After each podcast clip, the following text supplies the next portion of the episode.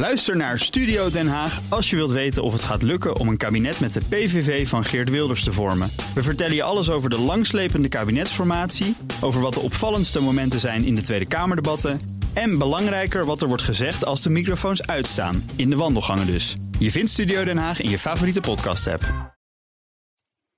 Ja, elke week kijken we ook naar mislukkingen en wat we daarvan kunnen leren. Dat doen we met Paul Iske. Hij is CFO, Chief Failure Officer van het Instituut voor Briljante Mislukkingen. En Paul, over welke mislukking gaan we het deze keer hebben?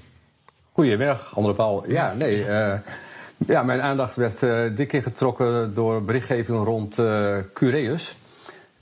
dat is een, een, een keten van tandartspraktijken met een hoofdkantoor in Oosterhout. Er is al een paar keer van eigenaar verwisseld. Het blijkt nu dat de huidige eigenaren, dat is met name een venture capitalist uit Zweden, die heet EQT. en, en PGGM, de pensioenbelegger, die zit er ook voor een minderheid in. Maar het bericht was dat zij misschien een half miljard moeten gaan afschrijven op deze belegging. Nou, dat is toch niet niks. Ja, en, en, en dan gaat het om 190 praktijken met meer dan een miljoen klanten, begrijp ik. Ja, ik zat al even te delen, zeg. Een half miljard op even 200 praktijken. Zie je ook 2,5 miljoen per praktijk. Wat je Daar kan je heel wat kronen van aanleggen, denk ik.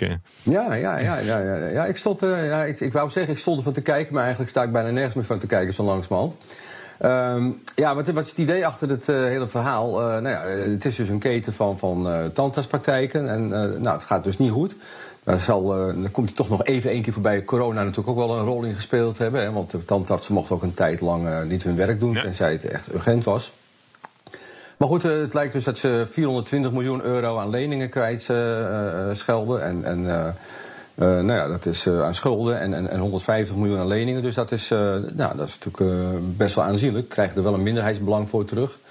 Maar ik heb even een beetje in de geschiedenis gedoken. En nou ja, ze zijn dus in 2017 overgenomen van een andere investeerder. De Benches heette dat. En, en, in die tijd en daarvoor al hebben ze ook behoorlijk aan, aan, de weg getimmerd met betrekking tot overnames. Uh, ze hebben een Italiaanse keten overgenomen en uh, onder die EQT, laat ik het zo maar noemen, ja, wilde men blijven groeien en blijven groeien. en en het idee dachten was, nou, wij hebben verstand van de sector, dus daar kunnen ze van die kennis gebruik maken.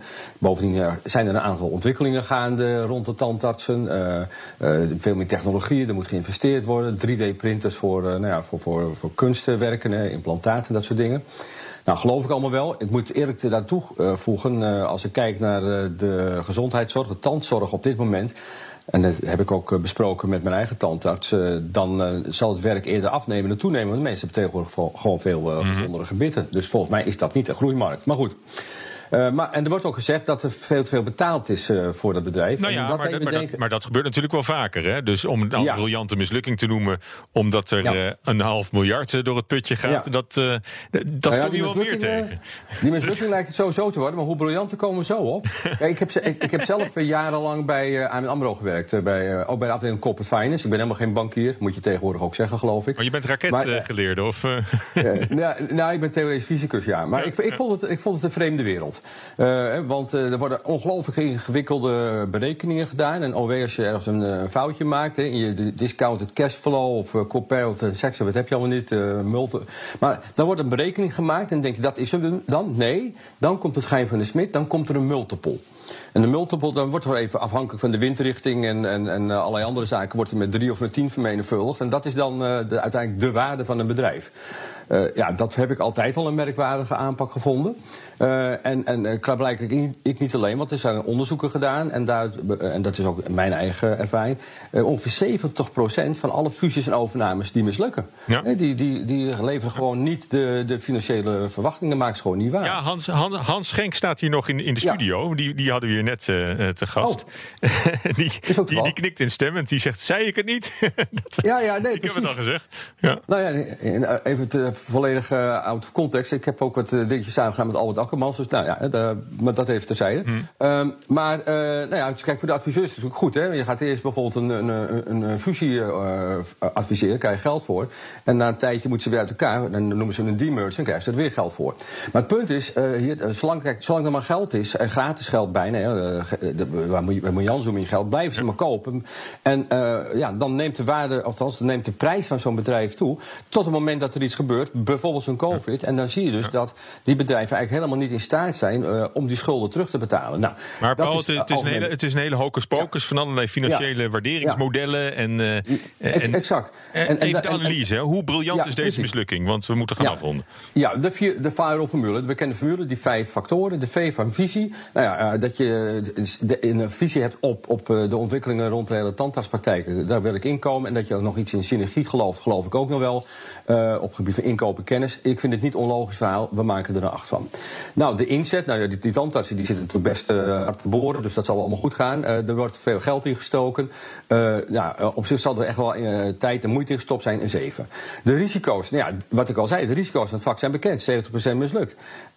maar het lijkt toch dat de due diligence hier niet ja, optimaal is geweest. ik vind 5,5 miljard afboeken. Dat is op 200 tandartspraktijken. Dus is nog meer betaald. Vind ik ook nogal wat. Corona is natuurlijk van de buitencategorie, maar ik vind het hoger een 4. Ik vind dat er heel veel risico genomen is. Nou, het heet ook venture capitalism. De AVA-aanpak. Uh, nou, wat ik al zei, ze hebben uh, hoop risico's. Ik denk dat die snelle expansie, al die kralen rijgen, daar moet je echt verstand van, moet je echt goed doen. Dan kan een hele hoop misgaan. Uh, voor veel geld iets kopen en dan eigenlijk op de klassieke manier die hele cashboom optuigen en met schulden al. Nee, ik ben er niet van. Een 4. Dan leren. Nou, 70% van dit soort transacties lukt. Ik heb niet uit de berichtgeving kunnen afleiden dat men daar heel veel van geleerd heeft. Het is ook helemaal niet erg, zolang je maar winst haalt uit die andere investeringen. Maar ja, als dat verhaal ophoudt, dan, dan hou je niks over. Dus ik ben er niet van overtuigd. Een 5. Als ik aan alles bij erop eh, tel en aftrek, kom ik uit op een uh, krap 5. En dat, is een onvoldoende. Dus geen, briljante dus mislukking. Geen, dus geen briljante mislukking helaas, nee, Paul. Het enige is nog dat je zou kunnen afvragen, als dat nou niet zou zijn overgenomen, wat zou er dan zijn gebeurd? Dus misschien is het financieel wel een debakel, maar misschien zijn die tandartsen wel heel blij. Ik weet het niet. Ik weet het ook niet.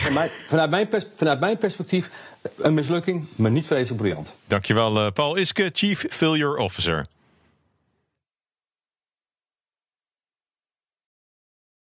Ook Diana Matroos vind je in de BNR-app. Ja, inderdaad. Je kunt live naar mij luisteren tijdens de Big Five.